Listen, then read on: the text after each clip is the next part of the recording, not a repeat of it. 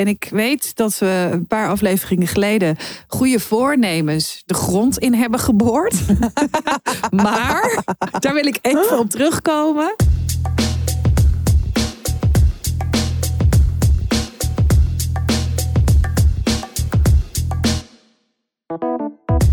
Hallo en welkom bij weer een nieuwe aflevering van Tussen 30 en Doodgaan. Aflevering 130. Op Wat afstand. een unieke mijlpaal weer. Ongelooflijk. Ja. Blijf maar doorgaan. Tijd om het te vieren. We vieren het met inhoud. Mooi. Ah, ja.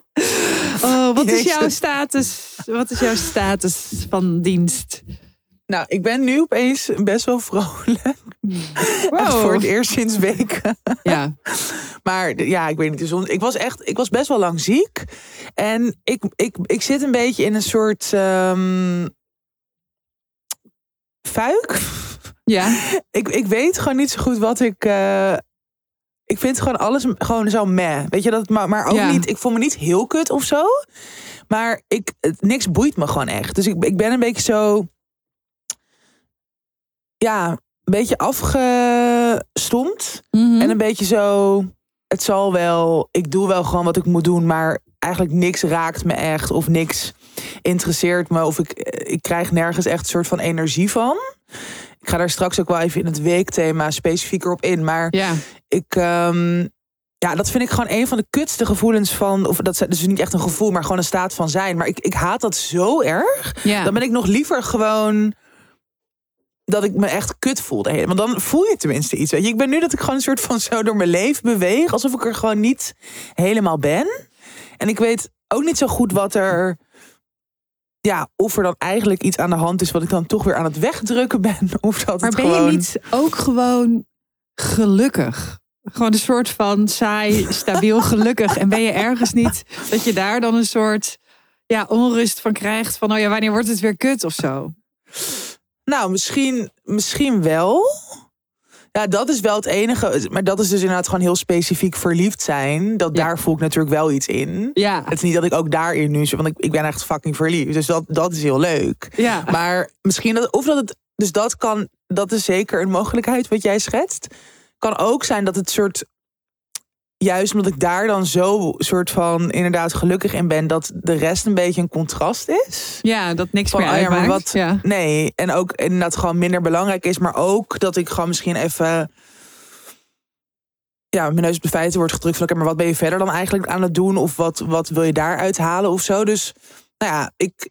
Ja, en het is denk ik ook gewoon even een soort verlaten winterdip. Want Mhm. nou, dat weten trouwe luisteraars. Dat, dat elk jaar bij mij best wel hevig terugkeert. En nu heb ik, dat, heb ik daar nog niet heel erg veel last van gehad. Maar ik denk ook, dus met verliefd zijn, maar ook natuurlijk met al die medische scheisse rondom. Nou, gewoon, eh, eh, hoe heet het? Die, Kanker. eh, die niet-kanker listbehandeling om geen kanker te krijgen. Sorry. Oh, jij vindt het zo lekker om het woord kanker Ja. te zeggen. Mhm. Misschien Mhm. moet je het nu even gewoon twintig keer achter elkaar zeggen. Dan ben je Oh. weer verzadigd. Er komt wel een dag dat alles offline gaat natuurlijk. Ik bedoel, dit is, ja, nee, maar dat is natuurlijk wel... Als jij de politiek ingaat, one Bij- day. Nee, maar dat is wel het fijne van deze podcast. Dat, weet je wel, het- is van... Het, als, daarom doen we het ook in eigen beheer. Laten we ons niet door grote spelers Uitkopen. uitkopen en zo. Ja, het is, dit is van ons. En Mhm. ik had het er ook over. Ik was te gast bij Marilotte en Nidia van Damn Honey. Mhm. Hele mooie aflevering geworden.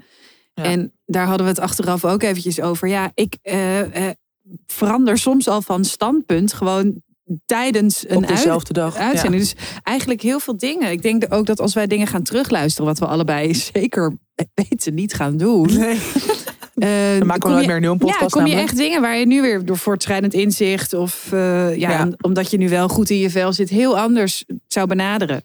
Ja, dat vind ik dus ook wel weer fijn aan dat het met jou is en dat het veilig is. En dat het dus wel, ik bedoel, kijk, wij zeggen geen racistische dingen. Ja, ik scheld nu toevallig voor het eerst, normaal gesproken knipt Rins het eruit.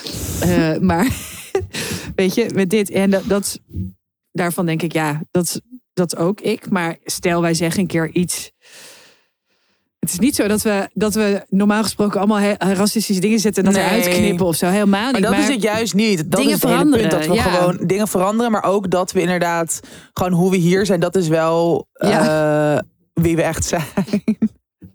gewoon juist dat ongefilterde. Ja, that's Precies. it. Maar goed, anyway. Anyway. Jij eh, over je medische dingen en alles. En waarom je je nu zo voelt. Nou ja, ik denk dat, dat dat eventjes heel veel ruimte in beslag nam natuurlijk in het begin van het najaar. Eh, en dat, dat nu gewoon zo, ja, januari, de- eh, februari zijn gewoon ziek deprimerende maanden. voor bijna iedereen. En ik denk dat dat ook gewoon meespeelt.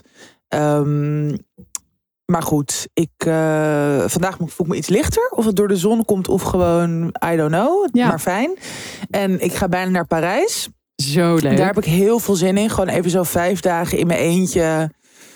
Nou, alles doen waar ik zin in heb. En gewoon elke impuls volgen. En vooral hopelijk gewoon een beetje rust aan mijn kop. Ja, Ehm, ook weer zo'n uitgewezen voorbeeld van dat ik dacht: oh ja, leuk, dan ga ik ook een dagje naar Parijs. En dat zo aan het plannen was. En ook weer niet doorhad dat dat precies dezelfde dagen zijn als dat Rinse 50 Ja? wordt. Dat is totaal weer twee verschillende elementen in mijn hoofd. Zo typisch. Wel echt heel jammer dat ik niet op het feest van Rins kan worden, komen. Ja. Ik word gewoon 50. Ja, maar wordt 50. Wat Zo een moppie. grappig. Zo Echt leuk. moppie. Ja. Oké, ehm, oh ja, nog één. Even props voor jou. Props voor de huishouders. Ehm, dat jouw thema van een paar weken geleden, adulting. ja. Adulting. Adulting. Nee, huh? Nou ja, dat thema. Eh, Volwassen dat worden. het- volwassen worden. Dat dat echt weer even heeft doorgewerkt bij mij in. ehm, nou, bijvoorbeeld waar ik heel, waar ik echt, wat ik ziek lang heb uitgesteld, is om boekhouders te, te wisselen. Oh. Dus ik zat bij een, een partij waar ik gewoon al langer, waarvan ik dacht, hmm, best Ja. wel duur. Ze doen eigenlijk gewoon helemaal niet precies wat ik nodig heb of wat ik wil. Maar ook vanuit soort gemak. En dat je natuurlijk dan al super lang Ja. in dat portal werkt en nou, bla bla. Maar dat ik gewoon echt, hier heb ik ook weer bijna gewoon, denk ik, een jaar dat gewoon een beetje voor me uit zit te schuiven.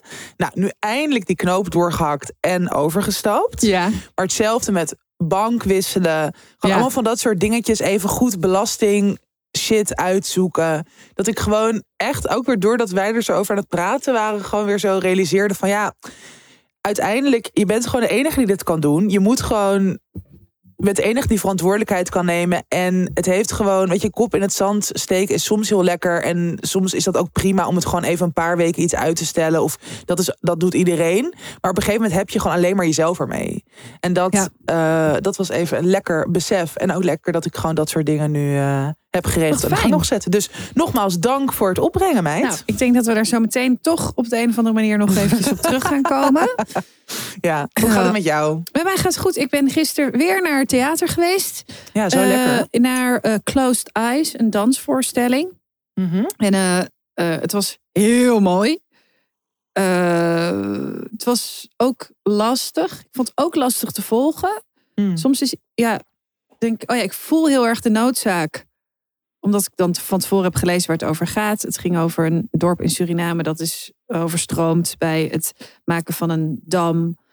Ehm, en daardoor zijn de mensen die daar zijn overleden, hun ziel is nog niet vrij, zeg maar. Wow, ja. En ja, die dans was, het was niet normaal. Niet normaal. En ik was met een vriend, met Remco. En het was heel grappig, want kijk, ik heb natuurlijk een brein met een spanningsboog van een beugelelastiekje. Hoe mooi iets ook is. Ja. Maar hij heeft dat dus ook. En dus wij zaten Oh. zo. En je wordt dus in het begin zo bam, echt omvergeblazen door die dansers. Bla bla bla. En ik hoorde hem dan zo na een kwartier zo.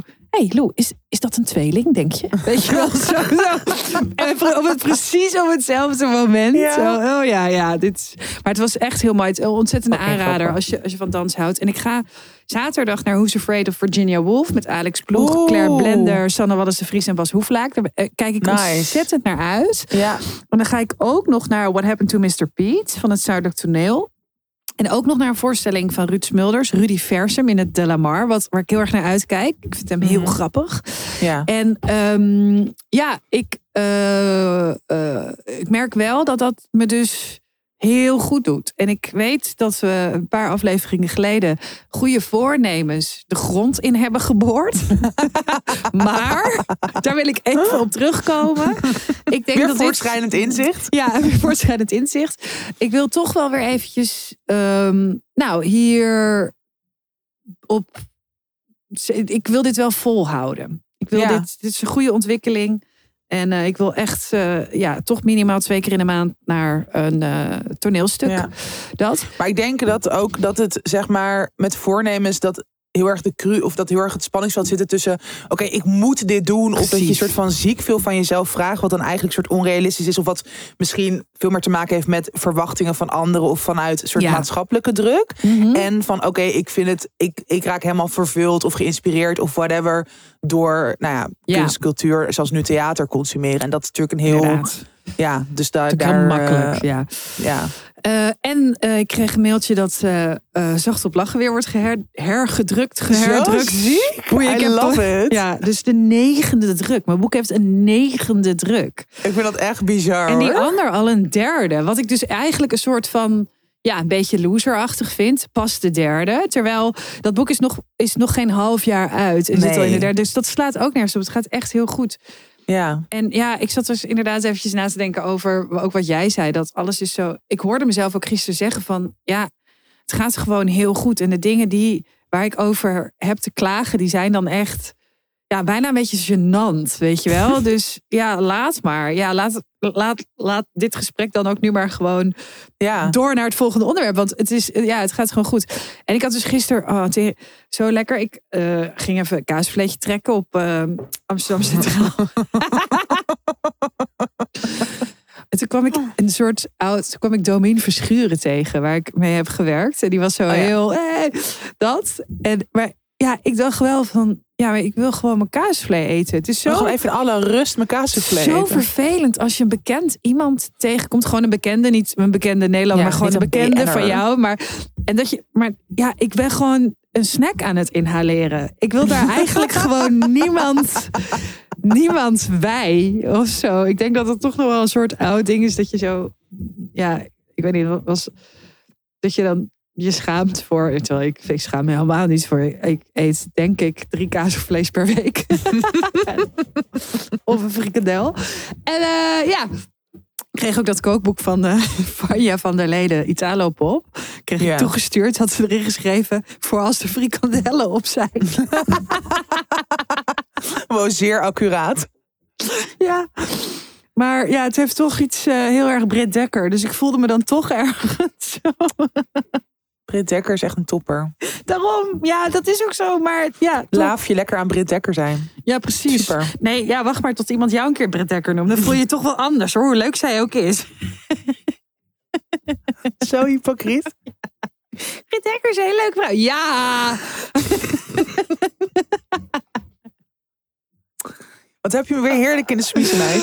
Oh ja. Oké. Dus zo, ehm, ja, eh nee, shout-out naar. Britt Dekker. Kazenvleesje En naar kaasvlees. Het is gewoon prima, mijn leven is in orde. Laten we doorgaan.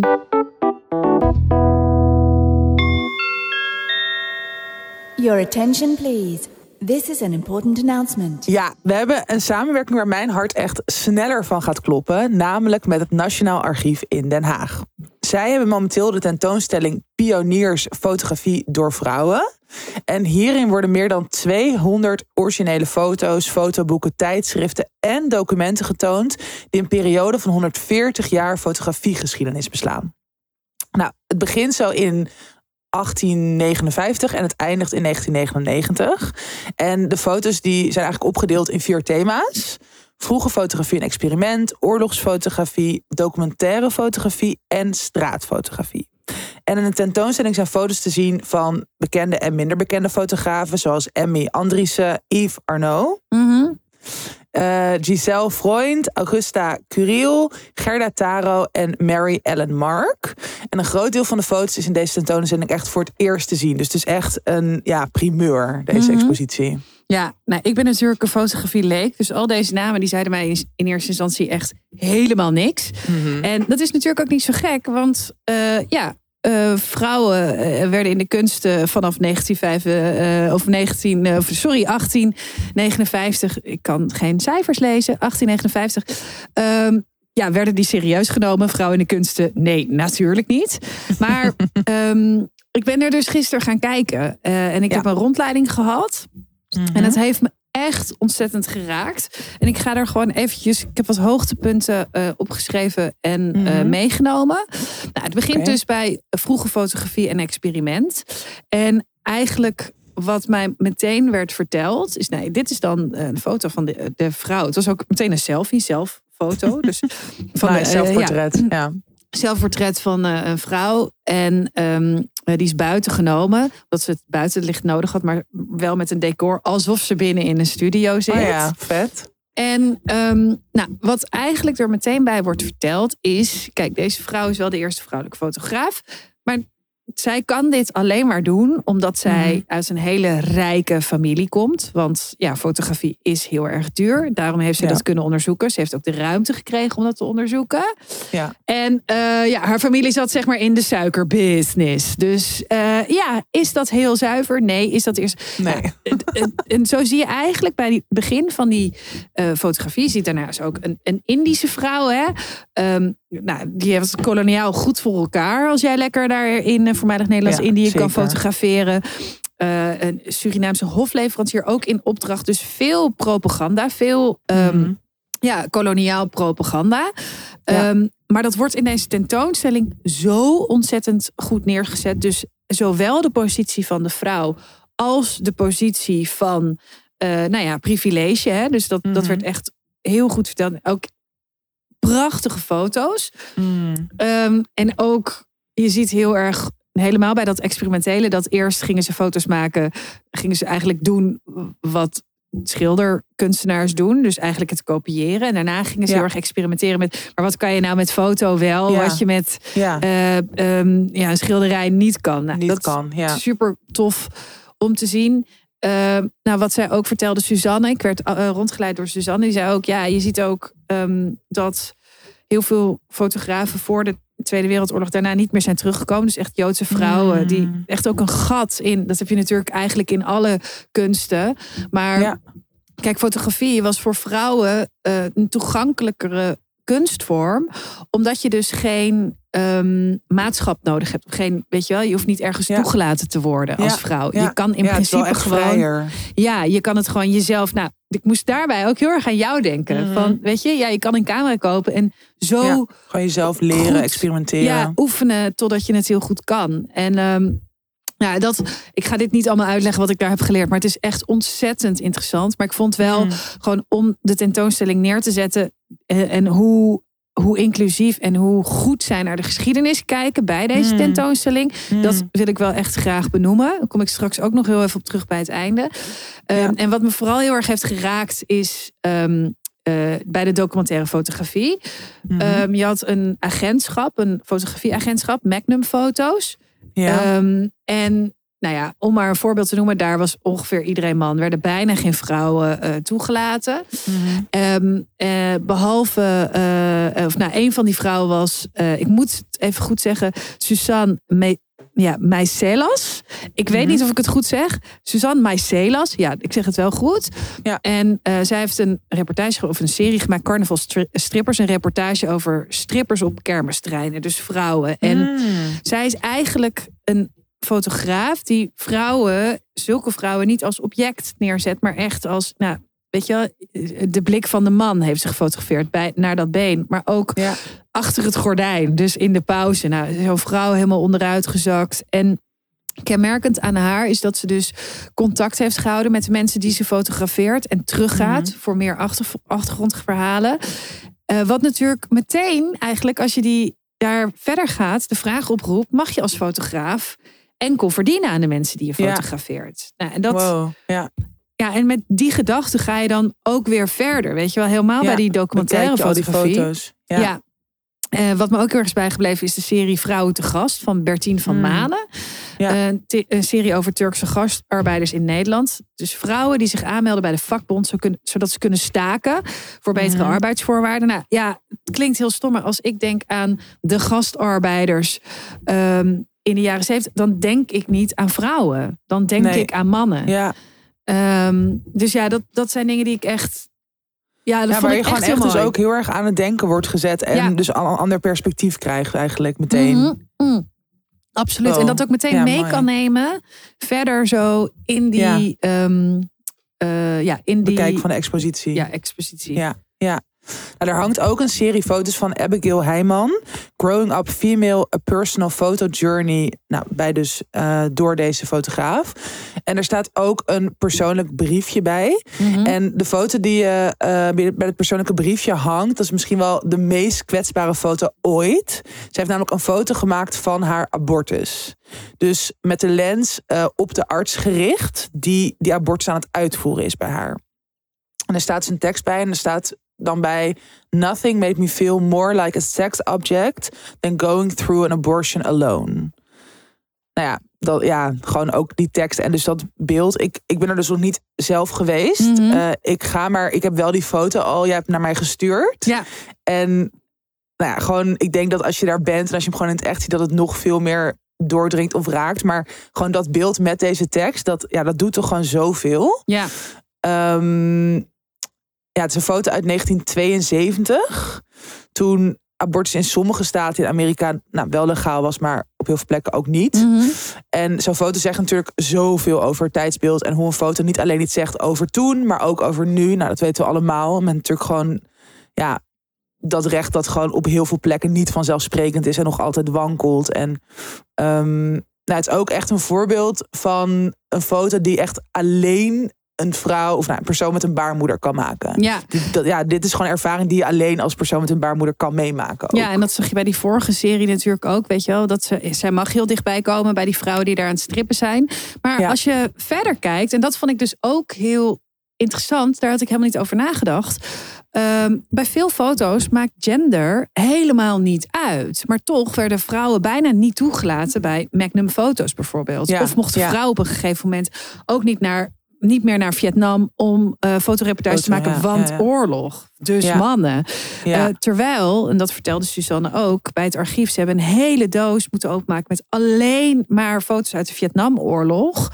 Mhm. En dan zie je dus, je ziet niet of het een man Nee. of vrouw Nee. is gemaakt. Dus dan zie je ook dat, ja, hoe eigenlijk die wereld toch zo, nou ja, hoe dat in, in, in dit vak ook zo ongelijk verdeeld is. En Mhm. Ehm, wat ik ook ontzettend goed vond, even over die oorlogsfoto's. Je hebt ook een, eh, een serie van een vrouw die, ja, die heeft ook gewoon haar rep- reportage daar niet overleefd. Ehm, en, ehm, maar wat ze dus ook doen, ze hebben dus overleden slachtoffers niet herkenbaar in beeld gebracht. Mm. Ehm, en ze zijn er wel, die foto's, maar ze hebben echt, echt voor gekozen om dat niet te doen. Omdat ze ook met de curatoren zo heel erg bezig zijn met mogen wij geld verdienen aan dit, weet je wel, aan enkel het Ja. leed van een ander. Dus dat doen ze Ja. super netjes. En dat merk je ook heel erg in die tentoonstelling. En ik wil ook niet alles verklappen, maar ehm, ja, er zijn dus heel veel mooie dingen waar naar verleden. Ja, ik ga nog toch nog even wat zeggen. Die, ik, een favoriete foto is van Christine, eh, Christine Sprengler. Mhm. En dat is een foto genomen net na de Iraanse revolutie. Zij Hmm. fotografeert twee vrouwen. eh, die zijn bedekt met een hoofddoek. Maar op de achter- achterkant is nog het straatbeeld te zien van voor de revolutie. Namelijk een reclamezuil. eh, waar een vrouw zonder hoofddoek, een soort van shampoo-reclame Oh, wordt wow. afgebeeld. Dus dat is nou, Die zo. twee werelden of werkelijkheden gewoon zo erg naast elkaar. ja, Zo'n absoluut. heel contrast. Ja, ja, en zo zijn er zo ontzettend veel verhalen van zoveel bijzondere vrouwen. En het is ja, juist met, omdat je zo aan het begin begint en meteen heel veel leert, neem je dat mee gewoon gedurende. Dus je, je leert echt op zo goed kijken. Mhm. Ehm, en dan nog één laatste ding, ook heel belangrijk. En dat vond ik, ja, daar was ik echt heel erg van onder de indruk. Doordat foto, fotografie begon, eh, ja, echt voor de welgestelde. Hè, wat ik aan het begin al zei. Ja. Vrouwen, witte vrouwen eh, die fotograferen. En door het eh, daarna institutioneel racisme overal. Dat ook persfotografen en documentaire fotografen, het collectie vaak ja, toch witte vrouwen zijn. Dat als het al vrouwen zijn, dat het witte vrouwen zijn straks drie eh, vrouwen van kleur, namelijk die Augusta Curiel, eh, Surinaamse vrouw. ehm, Hester Karsten, is dus Indisch. Dus ja, hoe, Mhm. hoe eh, van kleur ben je dan? En Doris Nie, dus Aziatische Amerikaanse fotograaf. En nou, er staat dus een bord. En dat, ja, dat wil ik toch eventjes gewoon voorlezen. Mm. Ehm, het Nationaal Archief zet een eerste stap in het beter zichtbaar maken van fotografie door vrouwen. Tijdens het onderzoek voor deze tentoonstelling zijn in de collectie vele originele afdrukken van foto's door vrouwen gevonden. Zij werkte als fotojournalist of documentair fotograaf over de hele wereld, maar komen zelf voornamelijk uit Europa en Noord-Amerika. Hun foto's zijn via fotopersbureaus in Europa en de Verenigde Staten verspreid ten behoeve van publicatie in Nederlandse media. Het onderzoek maakt ook duidelijk dat fotografen van kleur nauwelijks zijn gerepresenteerd door deze fotopersbureaus. We vinden dan ook weinig foto's van hen in de collectie van het Nationaal Archief. De publicaties hier op tafel laten zien dat er nog veel meer vrouwen van over de hele wereld pioniers in de fotografie zijn geweest. En dan ligt daar dus een hele tafel met allemaal werk van ja, waanzinnige fotografen van kleur, die daar eigenlijk natuurlijk hadden moeten eh, eh, hangen. In maar zitten. nou ja, wat dus de geschiedenis niet toelaat, waardoor het niet eh, in Ja. het archief ligt. Wow. Ja, Maar wel heel sterk dat ze dat dus wel eh, zo benoemen. ja, En dat ze het alsnog op deze manier, natuurlijk liever had je het anders gedaan. Had je gewoon inderdaad ze al die ruimte en dezelfde focus willen geven als, nou, dus vooral veel Ja, witte precies. fotografen. Maar wel, nou, wel heel goed dat ze dit zo op deze manier dan ondervangen. ja. Nou, de tentoonstelling Pioniers Fotografie door Vrouwen in het Nationaal Archief is nog te zien tot en met zondag 30 juni 2024. Dus nog echt wel even. Ehm, en bij deze tentoonstelling organiseert het Nationaal Archief ook een, ja, een rijk programma met allerlei evenementen, lezingen, debatten, rondleidingen. Nou, ik ga er volgende week, deze week, volgende week naartoe. Want Malou, die heeft zo lief een vrijkaart voor mij ook geregeld. Maar niet alleen voor mij, ook voor jou en een vriend of vriendin. Dus we mogen één keer twee vrijkaarten we- weggeven Ja. voor deze mooie tentoonstelling. Eh, nou, hou onze Insta even in de gaten komende week. We geven dinsdag, dus morgen eigenlijk, eh, als je meteen maandag luistert, twee vrijkaarten weg. eh, zodat je ook zelf kan gaan kijken. En nou ja, mocht je niet te gelukkige zijn, bezoek dan alsnog deze waanzinnige tentoonstelling. En laat je meesleuren in de geschiedenis. Open je ogen, ra- word geraakt bij pioniers fotografie door vrouwen.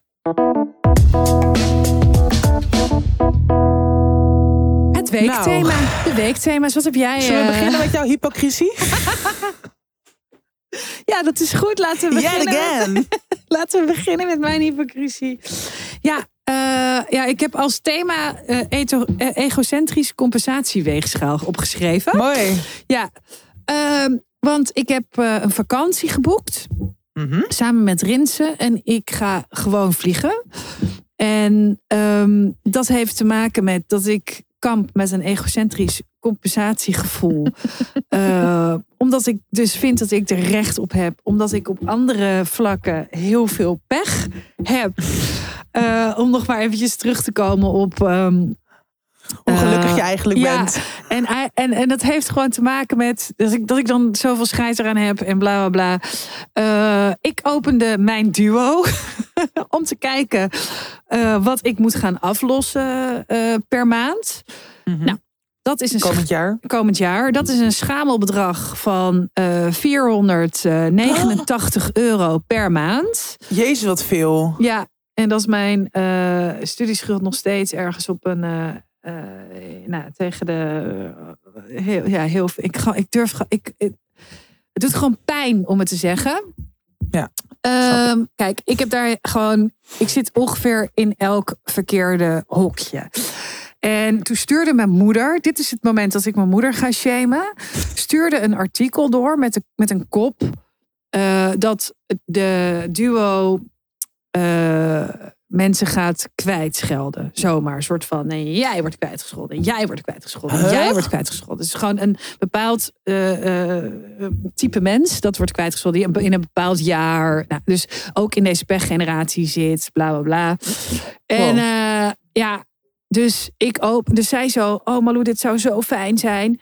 Dus ik open dat en het ging helemaal niet over mij. Niet over mijn jaar of zo, weet je wel. Dat ging het helemaal niet. Het- je moet sowieso een studie hebben afgerond. Heb ik niet. Wrijf het er maar weer in. Weet je? Want toen ik mijn studie wilde afronden, eh, had ik al een baan. Ging ik een scriptie schrijven. Gingen ze mijn stage laten vervallen, omdat die te lang stond. Moest ik opnieuw stage lopen. Mocht niet opnieuw bij de radio. Daar had ik een fulltime baan. Ik kon niet, dus ik moest gewoon, ik moest gewoon of stoppen met mijn baan als presentat- presentatrice bij Radio 1 of verder met school. Weet je, wel. het was, het kon gewoon niet. Dus alles is kut. Als ik ik zit in een, in een vreselijke aflossingssituatie. Waarbij ze dus de hele tijd zeggen dat je, dat je wel 500 piek kan missen naast je huur. Ik bedoel, als ik nu nog in Amsterdam had gewoond. Ja. eh, daar was mijn huur nu bijna tegen de 1300 euro. Dan had je dus gewoon aan kale vaste lasten al bijna 2000 euro. meer. Meer met je, met je zorgverzekering en met alles. ja, true, echt met op telefoon. Ja. 25 zat ik echt dus op de 2600 euro. Vaste lasten. Het kan niet. Het kan Ja. niet. Geen pensioen, niks. Weet je, dus je voelt je weer zo ontzettend Incapabel. incapabel, dom, onvolwassen, mislukt. Dat. Ja, mijn Ja. moeders, dus ik zeg tegen mijn moeder: waarom stuur je me dit? Dit gaat niet over mij. Zegt ze, ik, Waarom lees je alleen de kop? Ik heb alleen de kop gelezen. Ze- maar Jezus. Ga weg. Ga weg. Leg je telefoon weg. Doe normaal. Komt er een vriendin naar Antwerpen? Dit is echt gebeurd. Komt er een vriendin naar Antwerpen en die zegt: Ik durf het bijna niet te zeggen, maar. Nou, zij was dus een van die mensen bij wie het werd kwijtgescholden. Nee, Malou. Oh, oh, ik. Oh. En, en, en ik. Ja, en dan vind ik dus dat ik, dat ik dan denk, ja. Ja, nou, Nou, en nou, nou ga ik. Ik ga dan tien dagen naar Andalusië. Ja, mag ik ook even wat hebben? Zo, terwijl het heeft natuurlijk allemaal niks met elkaar te maken. Het heeft niks met elkaar te maken. Het heeft Nee. niks met elkaar te maken. Maar ik ben, ik, ik, ik, oh, ik, en ik gebruik het en ik vind dus ook echt, ik voel er niks bij. Het boeit me dus niet. Dus ik zeg dat het me boeit. Oh ja, ik wil niet vliegen binnen Europa, bla bla. Wat ik dus ook ging doen, dacht ik, ja, nou dan ga ik wel naar Zuid-Afrika. Ga ik toch ook lekker naar Kaapstad. Iedereen zit in Kaapstad. Zoals heel fucking Amsterdam. Precies. Wat is dat opeens? Ja, ga ik toch ook lekker naar Kaapstad. Nou, omdat niemand wil meer naar Bali, want eh, die, weet ik veel. Maar goed, dus iedereen gaat naar Bali nu. Ja. Eh, ik, ik hoorde ook nog laatst iemand zeggen: ja, Ik wil echt niet naar Bali. Het is echt niet normaal hoor, wat de Nederlanders daar hebben gedaan. Dacht ik: Nee, ga lekker naar Kaapstad. Daar was het. Nee, dat was daar, super eh, zuiver. Helemaal top. Nou, succes. Enkeltje Robben-eiland en gaan. Nee, ja, goed. Weet je, en dus, maar dan denk ik dus: Oh, maar dan ga ik wel naar Mexico, want dan kan ik verantwoorden dat ik ga vliegen. Dat is toch hartstikke dom. Dus nee, nu ga ik dus wel gewoon naar Andalusië. Nee, ik ga niet met de elektrische auto van Rinsen. Gewoon met het vliegtuig. Gewoon met het vliegtuig. Ik heb ook niet dat ding aangetikt. Wil je voor 8,50 euro Compensatie. CO2-neutraal? Nee, ik plant zelf wel een boom. Laat me met rust. Ik ga op een berg zitten in Andalusië. Ga ik lekker mijn studieschuld natellen. Kijk hoe... Kijk hoe ik erbij zit de volgende 30 jaar. Ja, het is weer één grote ehm, ja, egocentrische compensatie, hypocriete eh teringzooi.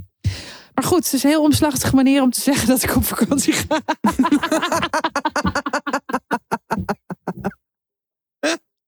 Good for you. Ja. Nee, maar heb jij dat dan? Maar nee, ik bedoel, de vraag is natuurlijk na deze eh, rant. Tirade. Heb jij dat ook? Dat je gewoon, ik vind het echt wel belangrijk. Tot het moment dat, dat die keuze bij mij ligt. Dan heb ik toch wel echt andere, ja, een andere maatstaaf. Nou, natuurlijk heb ik dat, want dit, dit, eh, ik denk dat dit is ook, nou, net zoals wat wij al vaak hebben besproken, maar gewoon hypocriet zijn is zo erg Ja, inherent aan mens zijn. Maar ik ben wel echt, eh, toen wij die samenwerking ook hadden met, het- met het, ehm, ik wil weer het Tropenmuseum zeggen. Het is zo lijp hoe Ja. dingen zich zo kunnen vastzetten in je hoofd. het Wereldmuseum. Ja, maar het Het Tropenmuseum Wereldmuseum, is natuurlijk een instituut. voormalig Tropeninstituut. Ja, Ehm, nee, toen wij die samen, toen, toen gingen we het ook eens nog hebben over dat eh, artikel dat Twan Donk had geschreven. ja, En daar, ik ben, dat heeft dus wel echt iets in mij, nou nog niet, niet veranderd, dat vind ik te groot, maar wel dat dat me echt soort van zo bijblijft, ook met dus dit soort keuzes maken.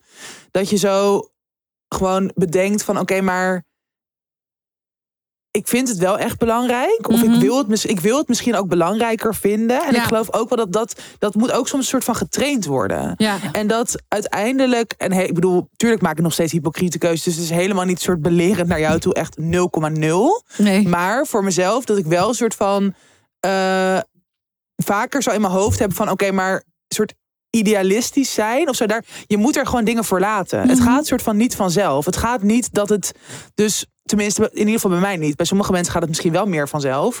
Ehm, maar goed, ik, heb, ik moet wel zeggen dat ik heb, ik heb nu, ja, ik ga naar Parijs. Nou ja, daar ga ik echt niet naartoe vliegen. Want het is zo makkelijk om daar Ja. met de trein naartoe te gaan. En eh, de volgende, eh, ik, ik ga waarschijnlijk met Paddy dit voorjaar naar Berlijn. Maar ja, dat is ook zo makkelijk met de trein. Weet Ja. je wel? Dus dat, ik, ik moet ook zeggen dat ik nu niet dit soort eh, grote dilemma's of eh, keuzes heb. Dus ik weet, ik bedoel, en ik ga ook vast heus wel weer een keer inderdaad naar eh, Amerika toe. Ja. Of bijvoorbeeld eh, eh, twee vrienden van mij die zijn nu op een kunstresidentie in Mexico. Mhm. Nou ja, stel ik word daarvoor uitgenodigd volgend jaar, dan ga ik echt niet zeggen ik ga niet vliegen. Nee, precies. Dus, terwijl ik het dan wel eigenlijk heel erg belangrijk vind. En ik vind het inderdaad dan nu makkelijker om inderdaad te zeggen van ik wil niet binnen Europa vliegen. En dat,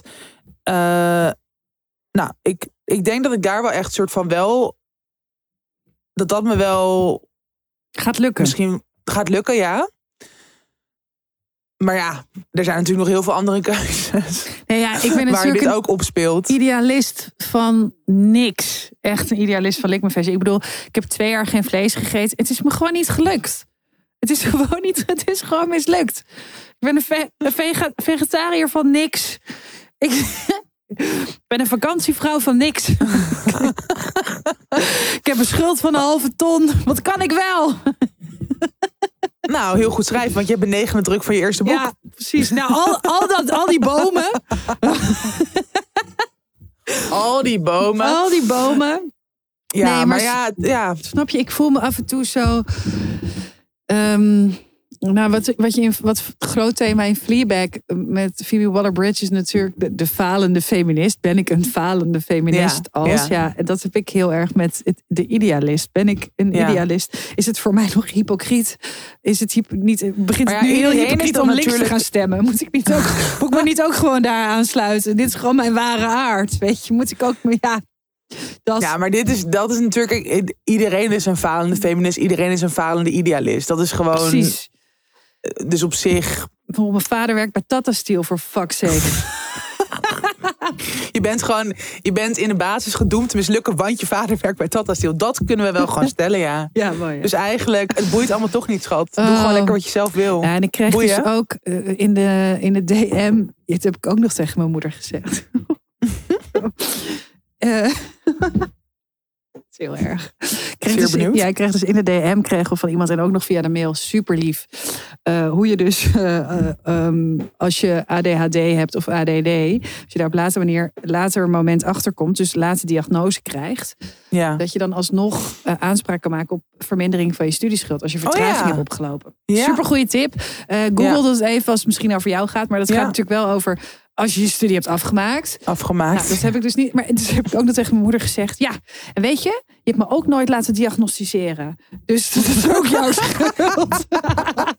Die heb ik ook Oh, je gewoon nog. het echt even hard te verduren Ja, gehad die heb ik ook nog gewoon eventjes zo terug, eh teruggekeild. Zo. Toen zei ze, ja, ja, maar Ah. onze huisarts was daar, was daar geen voorstander van. Ik zeg, moet ik hem een tikkie sturen dan?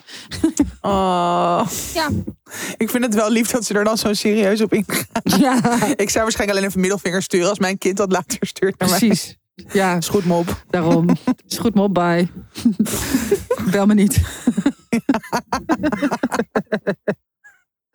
nou, dat. Dat wilde ik Nou, bespreken. Dus dat, dat, ja, ik kan wel leuk twee weken of drie weken geleden over onwijs eh, serieuze, eh, wijze dingen proberen te zeggen over adulting. Maar ja, adulting op dit moment eh, niet gelukt. Is gewoon lekker voor jezelf kiezen. Ja. Maar ja, dat is ook part of adulting, schat. Recalcitrant op een Spaanse berg gaan zitten. Ja hoor, prima. Wel lekker, hè? Ja, Is dat nou ook waar je al eerder bent geweest met die ezeltjes en zo? Nee, dat is wel aan de andere kant. Eh, Oh ja. Dus dit is meer, ja, dit is Andalusië, maar nog wel aan de eh, kustkant. En eh, ja, het is ook echt weer Ja, ik heb gewoon een ziekenhuis. Oh, gewoon echt, echt Natuurlijk. heel Jij mooi. bent er echt goed in. Ja, ik ben echt heel goed in huizen. Als je, als je bevriend met me bent, echt maar goede vrienden. En je Heel luistert. goed dit even. Ja, en je luistert, moet je Voordat mij iedereen jou DM'en. altijd vragen om eh, eh, een goed huis voor je te zoeken. Ik ben er echt goed in. Ja. Dus, eh, nou dat. Eh, waar dat, wil jij leuk. het over hebben? Ehm, nou, mijne sluit hier eigenlijk wel een beetje bij aan, maar ook het is wel weer anders. Maar het heeft wel te maken met soort zelfinzicht, Mhm. denk ik. Dat ik las deze week een artikel op de correspondent van eh Marjan Slop. Zij is de denker des vaderlands, ook filosoof, schrijft ook boeken. En de titel is Alles schreeuwt om aandacht, waar je het aan geeft, bepaalt je hele leven. En nou, ik moest gewoon meteen denken aan die een beetje soort weege uitspraak, wat nou, gewoon vroeger moeders altijd zeiden. Mhm. Moeders of oma's. Precies. Alles wat je aandacht geeft, groeit. Toen, En- toen je nog geen eh, zinloze artikelen konden sturen. Toen, die tijd. Precies. Ja. En nou, daar, daar, daar gaat dit artikel eigenlijk gewoon over, maar dan wel gewoon heel en filosofisch, maar ook soort van neurobiologisch onderbouwd. En het gaat gewoon eigenlijk heel erg over, eh, nou ja, dat wij natuurlijk in een maatschappij leven waar je gewoon constant eigenlijk je aandacht verliest, omdat je gewoon duizend prikkels op een dag krijgt, alleen al door op je telefoon te zitten. Mhm. Maar eigenlijk ook, bijvoorbeeld zei ze ook, ja, je hersenen zijn heel erg gevoelig voor bewegend beeld. Maar als je bijvoorbeeld al in de trein zit, dan zie je gewoon van NS, zie je gewoon ook al toch die filmpjes, soort Ja. van reclameachtige zeiltjes, waar je ook soort bewegend beeld ziet. Mhm. Maar net zo goed, als je in de stad loopt, zie je dat op reclamezuilen. Het is natuurlijk gewoon overal, maar door ja, natuurlijk de komst van smartphones wel in extreme mate. En nou, het begon een beetje wel over zo. Ze hadden dan bijvoorbeeld meer over gokverslaafd. En op een gegeven moment ging het dan wel ook over smartphone. En weet je wel weer een beetje zo dat ik dacht: oké, dit weten we nu wel. Ja. Maar dat is ook iets dat het meteen ook toch in mij triggert. Dat ik dan denk: ja, dit weten we nu wel. Moving on. Terwijl we weten dit wel. Alleen het is natuurlijk alsnog is het wel gewoon een probleem. Ja. Althans, ik zie het echt wel als een probleem bij mezelf. Ehm, dat ik gewoon merk dat ik. Nou, daar, daar loop ik laatst ook gewoon best wel tegen aan. Dat ik gewoon niet echt kan prio, prioriteren. Mhm. Prioriteren? Hoe zeg je dat? Nou, prioriteit kan stellen. Pri- Prioritering. Prio, prioriteren. Ja, dat is het toch gewoon. Ja. Prioriteren, ja. Ehm, dat bijvoorbeeld, mijn pleegbroer die heeft in de zomer een baby gekregen. Zijn eerste kind. Mhm. Heb ik gewoon nog niet gezien. En hij woont gewoon in Amsterdam-West, hè? Ja. eh, Ja, maar dit is wel, en dit is één voorbeeldje. Ja. Maar ik kan natuurlijk heel veel dingen opnoemen waar ik dan eigenlijk, en dat in die zin doet me denken aan jouw hele betoog net, dat ik ergens wel voel van, ik vind dat belangrijk, Ja. of ik wil dat belangrijk vinden, of dat is natuurlijk een spanningsveld Ja. tussen ook weer verwachtingen en wat je intrinsiek echt voelt en belangrijk vindt. Maar soort, ik vind dat natuurlijk echt wel belangrijk, want ik weet je, ja, dat ik, ik, ik vind het heel leuk dat hij een kindje heeft gekregen, nou, et cetera, et cetera. Maar dan is, ben ik dan toch gewoon zo erg met mezelf bezig. Maar als ik dan nu denk aan wat ik de afgelopen maanden heb gedaan, of nou, nogmaals, natuurlijk ben ik verliefd geworden. Dat consumeert gewoon veel tijd en Ja. aandacht. Maar los daarvan, ja, wat is er? Waar ben ik zo fucking druk mee? Het is ook een soort. Het is niet alsof ik al een halve roman heb geschreven. Alsof ik een soort alleen maar liefdadig, alleen maar vrijwillig. Oh, liefdadigheidswerk. Liefdadigheids- Klinkt zo. Ik weet niet wat ik doe. Dat klinkt echt. Wat doe jij? Ja, weet ik niet. Opeens zit alles raar. Sorry. Helemaal mijn focus en mijn aandacht kwijt. Het is het hele punt van dit fucking stuk. Doordat ik bewegende Malou in beeld zie. Oké, nee, eh, ja, het is niet alsof ik allemaal vrijwilligerswerk doe, een halve roman heb geschreven, weet ik veel wat. Dus het is een soort, ik vind dat, dat vond ik gewoon even, ook door dit artikel te lezen, maar dat, dat verklaart denk ik ook wel een beetje die onrust Ja. en die soort van lusteloosheid en dat ik gewoon niet zo goed weet wat ik nou eigenlijk aan het doen ben, wil doen, wat ik belangrijk vind. En nou ja, dat artikel, ik- ja, ik, ik raad het iedereen aan. Omdat het ook, het is ook een heel interessant onderscheid tussen wat dan eigenlijk focus is. Wat natuurlijk focus is ook, weet je, daar gaat het fucking vaak over. Ook omdat dat natuurlijk heel erg te maken heeft met productiviteit. En dat is natuurlijk dan weer, ja, we leven gewoon in een, pro, in een samenleving waar productiviteit heel hoog in het vaandel staat. Omdat Ja. het natuurlijk ook gelinkt is aan kapitalisme, aan gewoon verdienen, zeg maar. Terwijl, en dan zegt zij zo van, nou, ik lees het even voor. Ehm, het gaat bij aandacht niet om jou en je plannetjes. En dat heeft dus meer dan met focus te maken. Het gaat echt, het gaat om openstaan voor wat voor dat wat zich voordoet rondom jou en in jou. Aandacht maakt dat je voorbij kunt gaan aan je gebruikelijke manier van ordenen en doen. Dat je even uit je routines wordt gedeeld, getild, waardoor er ruimte komt voor reflectie. En dan heeft zij het eigenlijk over dat, uh, nou ja, dat het ook heel erg te maken heeft met dus echt voor ogen hebben van oké, maar wat wil ik aandacht geven? Mhm. Wat is iets wat ik dan misschien wel ze heeft dan een voorbeeld van iemand die dan cello wil, wil leren spelen. En dat je soort van dat voor ogen houdt. En dat je daar natuurlijk dan omheen wel routines en het oefenen, dat, dat er gewoon een centrale plek in je leven moet krijgen. Waardoor je dan andere dingen, nou ja, minder belangrijk maakt. Ja. Dus het heeft ook heel erg te maken met, oké, maar wat, eh, wat zijn belangrijke waardes voor mij? En ook heel erg met, oké, maar wat is, een, wat is voor mij een goed leven? Wat betekent dat? En wat, weet je wel, wil ik daar dus dan aandacht aan schenken om daar te komen? Ja.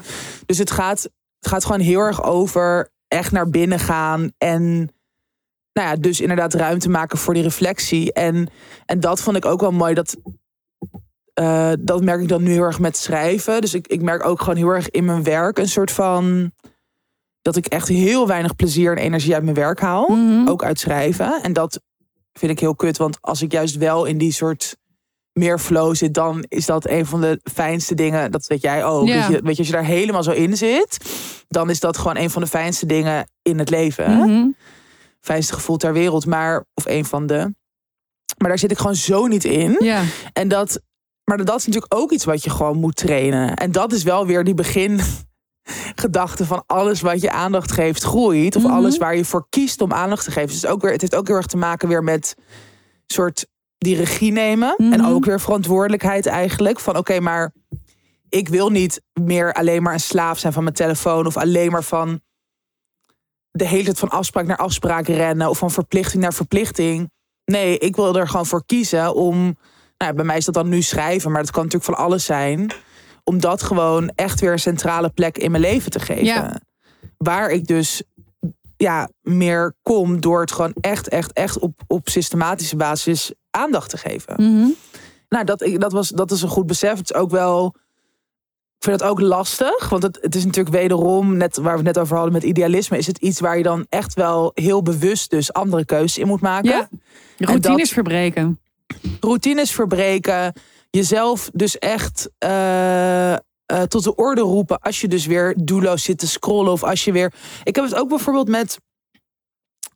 Nou, eigenlijk ook kan ik het hebben met dit soort. Dat je dan heel erg denkt: oh, ik wil nog dit artikel lezen. Of ook Ja. wel eventjes dit interviewfragment kijken. Of oh, ik wil, wil slash moet nog dit.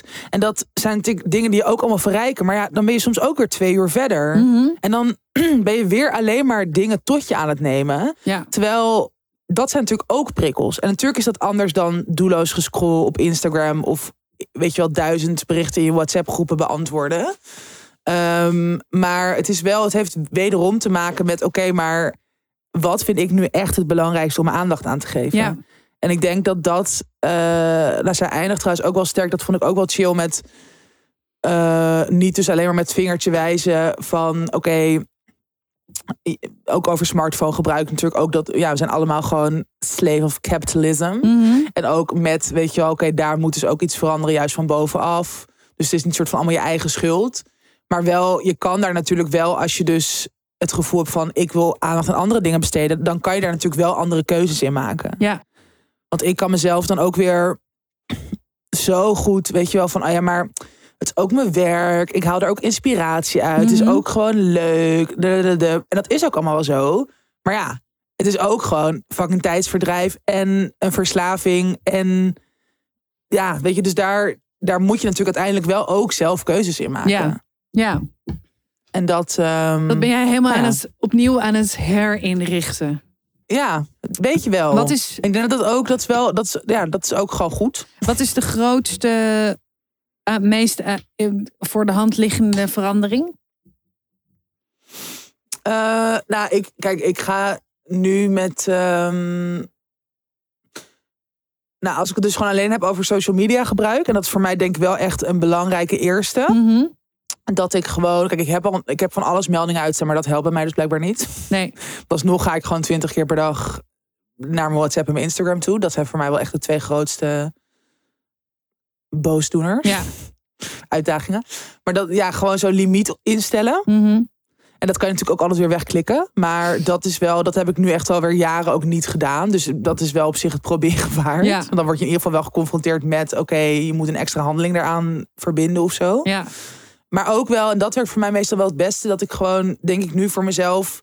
minimaal een lang weekend per maand... gewoon dan echt zo vier dagen, van donderdag tot maandag...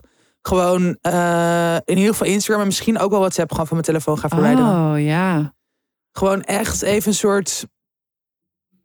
Nou, zoiets. Of, of juist door de week. Misschien juist door de week, omdat het natuurlijk ook dus heel erg gaat over werk bij mij. Ja. Dat ik het gewoon, weet ik veel, eh, eh, dinsdag tot donderdagavond of zo, weet je wel. Mhm. Maar dat je gewoon, ja, wel dat soort. En dat je daar dan best wel een soort even streng in bent voor jezelf. Omdat het natuurlijk ook. Ja, dat is natuurlijk ook wat al die goeroes zeggen. Maar dat het gewoon echt ook dus tijd kost om gewoon routines te veranderen. Ja. En om die gewoon echt onderdeel. Want dat zegt zij dus ook op een gegeven moment van. Dat het op een gegeven moment. eh, dan had zij een frase aan van filosoof Simone wel. eh, dat iemand zo aandachtig is dat hij geen keuze meer heeft. Dat het wel een soort van meer automatisme is. Dat het gewoon een Mhm. soort van die waarden, of wat je dus belangrijk vindt, dat het een soort onderdeel van. dat het bijna in je lichaam daalt, Ja. zeg maar. En daar kan je natuurlijk wel komen, maar dat kost wel gewoon tijd en dus investering. Ja, en dat, dan wordt het ook bijna spiritueel. ja. Ja. Nou, gewoon inderdaad een onderdeel. Ja, maar dat, zij hadden een heel praktisch voorbeeld aan van bijvoorbeeld een kok die een ui snijdt. Weet je, als ik een ui snijd, dan inderdaad is het altijd anders. Ongelijke delen. Je bent soort van half weer bang dat je met een te scherp mes in je vinger snijdt. En een kok die daar gewoon, die dat zo vaak heeft gedaan. Het is gewoon tak, tak, tak, tak, tak. En hij denkt er gewoon niet eens meer over na. Ja. En dat, en dat is natuurlijk nogmaals een heel concreet voorbeeld. Maar dat heb je natuurlijk ook wel met andere dingen. Ze haalt ook, eh, ehm, eh, ze haalt ook ehm, de schrijver van het stuk houdt dus ook zichzelf aan. Dat zij zegt van ja, maar elke ochtend, dat doe ik al zo lang. Dan zit ik gewoon, dat ik een soort best wel dik filosofieboek pak. En daar gewoon meteen in begin te lezen. Ja, dat is voor mij kost dat ook gewoon geen moeite meer. Want dat, Mhm. dat Zit in doe ik al routine. zoveel jaar elke dag. Ja. En dat is, weet je, dat is begonnen vanuit ik wil daar aandacht aan geven. En op een gegeven moment wordt het inderdaad onderdeel van je leven en van je zijn. Ja. Is bijna, het doet me op de een of andere hele gekke manier ook denken aan, eh, ik denk door die ui, maar aan de Japanse keuken. Dat er zoveel Mm. overgave en studie en Ja. weet je wel, en, En leer aandacht. en aandacht Ja. eh, aan vooraf moet gaan. Wil je dat mogen doen? Ja. Ehm, Ja. Ja, en ik denk dat het ook. Ik, ik, ik, had vorige week toch ook als. Of eer, de week daarvoor, ik weet niet meer. Maar eh, die film Perfect Days. En Ja. dat, dat speelt zich ook af in Japan. Daarom moet ik er nu ook weer aan denken. Maar dat natuurlijk. Kijk, op heel veel plekken in de wereld. In heel veel culturen.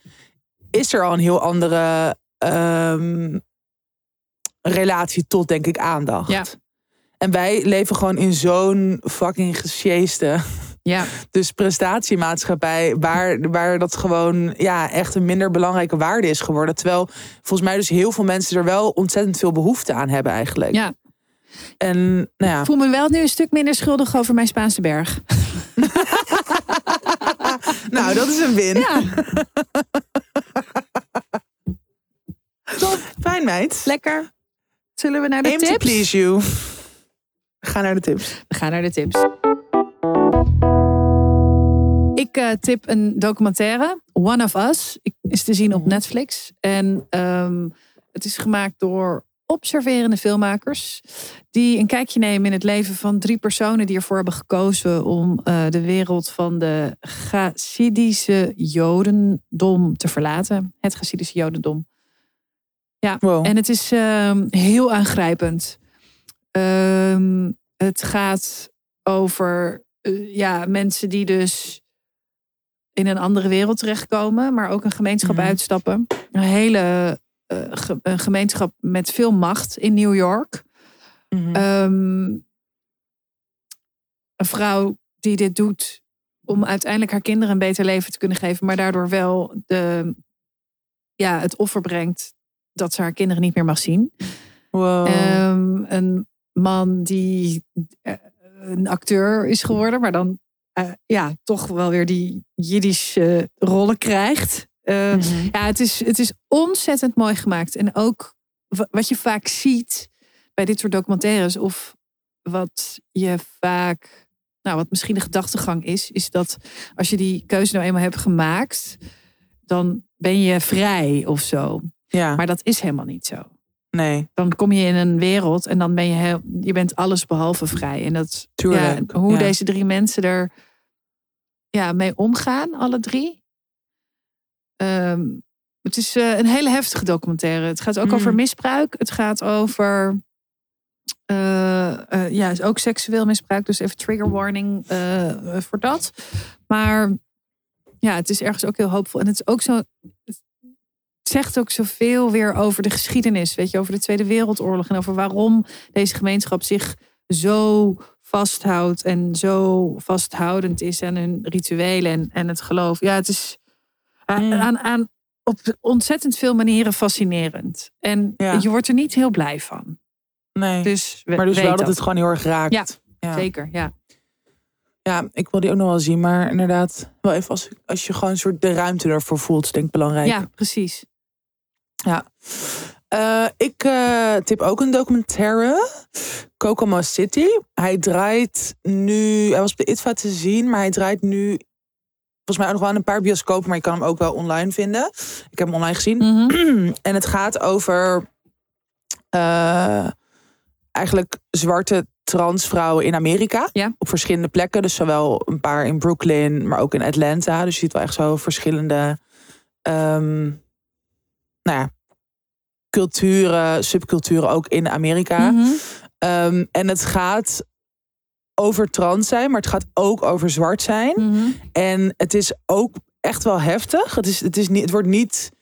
ehm, of nou, er wordt, er wordt een beetje gespeeld met romantiseren of juist een soort van de, de pijnlijke, heftige kant laten zien. Ja. En eigenlijk als het gaat over.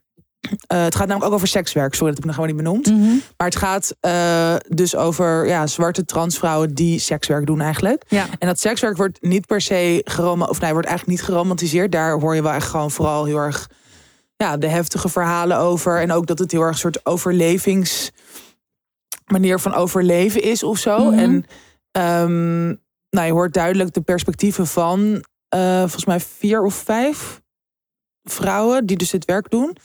Ehm, maar het is heel vet gemaakt. Het, is, het speelt dus, daarin speelt het wel tussen verschillende dingen. Dat het heel erg soort van speelt tussen fictie en non-fictie. Het is zwart-wit. Oh. Het heeft iets heel erg filmisch. Je ziet dus een soort van fictieve scènes tussendoor. Waarin je bijvoorbeeld hen in een seksclub ziet. Of waar ze aan het dansen of gewoon aan het bewegen. En het, het, is, het is heel hot ook. Het is Mhm. ook een soort van heel glam. En het zijn gewoon fucking coole vrouwen. Ook gewoon heel krachtig, heel grappig. Ze kunnen heel goed vertellen over, over alles. Je hangt gewoon aan hun lippen. Maar het, het, het gaat ook over wel of niet geaccepteerd worden door je familie. Of, of soort van je eigen rol daarin. Er komen ook mannen aan het woord die dus. ehm, eh, ja, die, die, die het, het geil vinden om seks te hebben met transvrouwen. Of die dat aantrekkelijk vinden. Maar niet per se op een. Nou, in ieder geval niet allemaal op een soort van pervy manier. Maar dat ze er best wel gewoon echt een gesprek ook voeren over acceptatie. Of over Mhm. wat dan misschien weer mensen van hen vinden. Ja. Of, dus het is, het is het is super, maar het heeft dus niet echt een documentaire gevoel. Het voelt juist heel erg alsof je gewoon naar een soort van speelfilm aan het kijken bent. Maar het is dus wel documentair. Ja. En dat, ik hou heel erg van die vorm. En nou ja, het is super interessante thematiek. Het ook dus, het raakte mij ook heel erg. Ik dacht vooral gewoon heel erg zo'n gevoel van, oh ja, ze zijn super sterk, ze zijn super krachtig. Maar je zou natuurlijk ook gewoon willen dat ze gewoon kunnen zijn. En dat ze niet altijd Ja. alleen maar, weet je wel, een soort van zo hoeven te vechten. Of heel erg dat overlevings, overlevingsstrategie hoeven te eh, vervullen. Maar wel, ja, wel echt een aanrader. Eh, ook dus hoe het is gemaakt en ook de muziek en gewoon alles is, is ja, echt heel indrukwekkend. Mooi. Ik ben benieuwd. Ik ga Ja. kijken. De levensvraag. Ja, eindelijk een keer een korte. Ja. Ook wel eens lekker. Hoe gedraag je bij het weerzien met iemand waarmee je het contact hebt verbroken via de app? Hmm. Ja, dit zal wel op een verjaardag of zo zijn. Of een feestje van iemand anders. Bruiloft of zo. Ja, Ehm, want dan, als het een toevallige ontmoeting is, namelijk, dan zeg je gewoon netjes gedag en je gedraagt je volwassen. hey, ik hoop dat het goed met je gaat. Fijne dag. Doei. Ja, of je negeert gewoon iemand. Dat doe ik wel zo vaak. Uiteraard. Ehm, maar als het dus een langer eh, ding is. Ja, je kan iemand toch op feestjes en op, in situaties ook wel goed.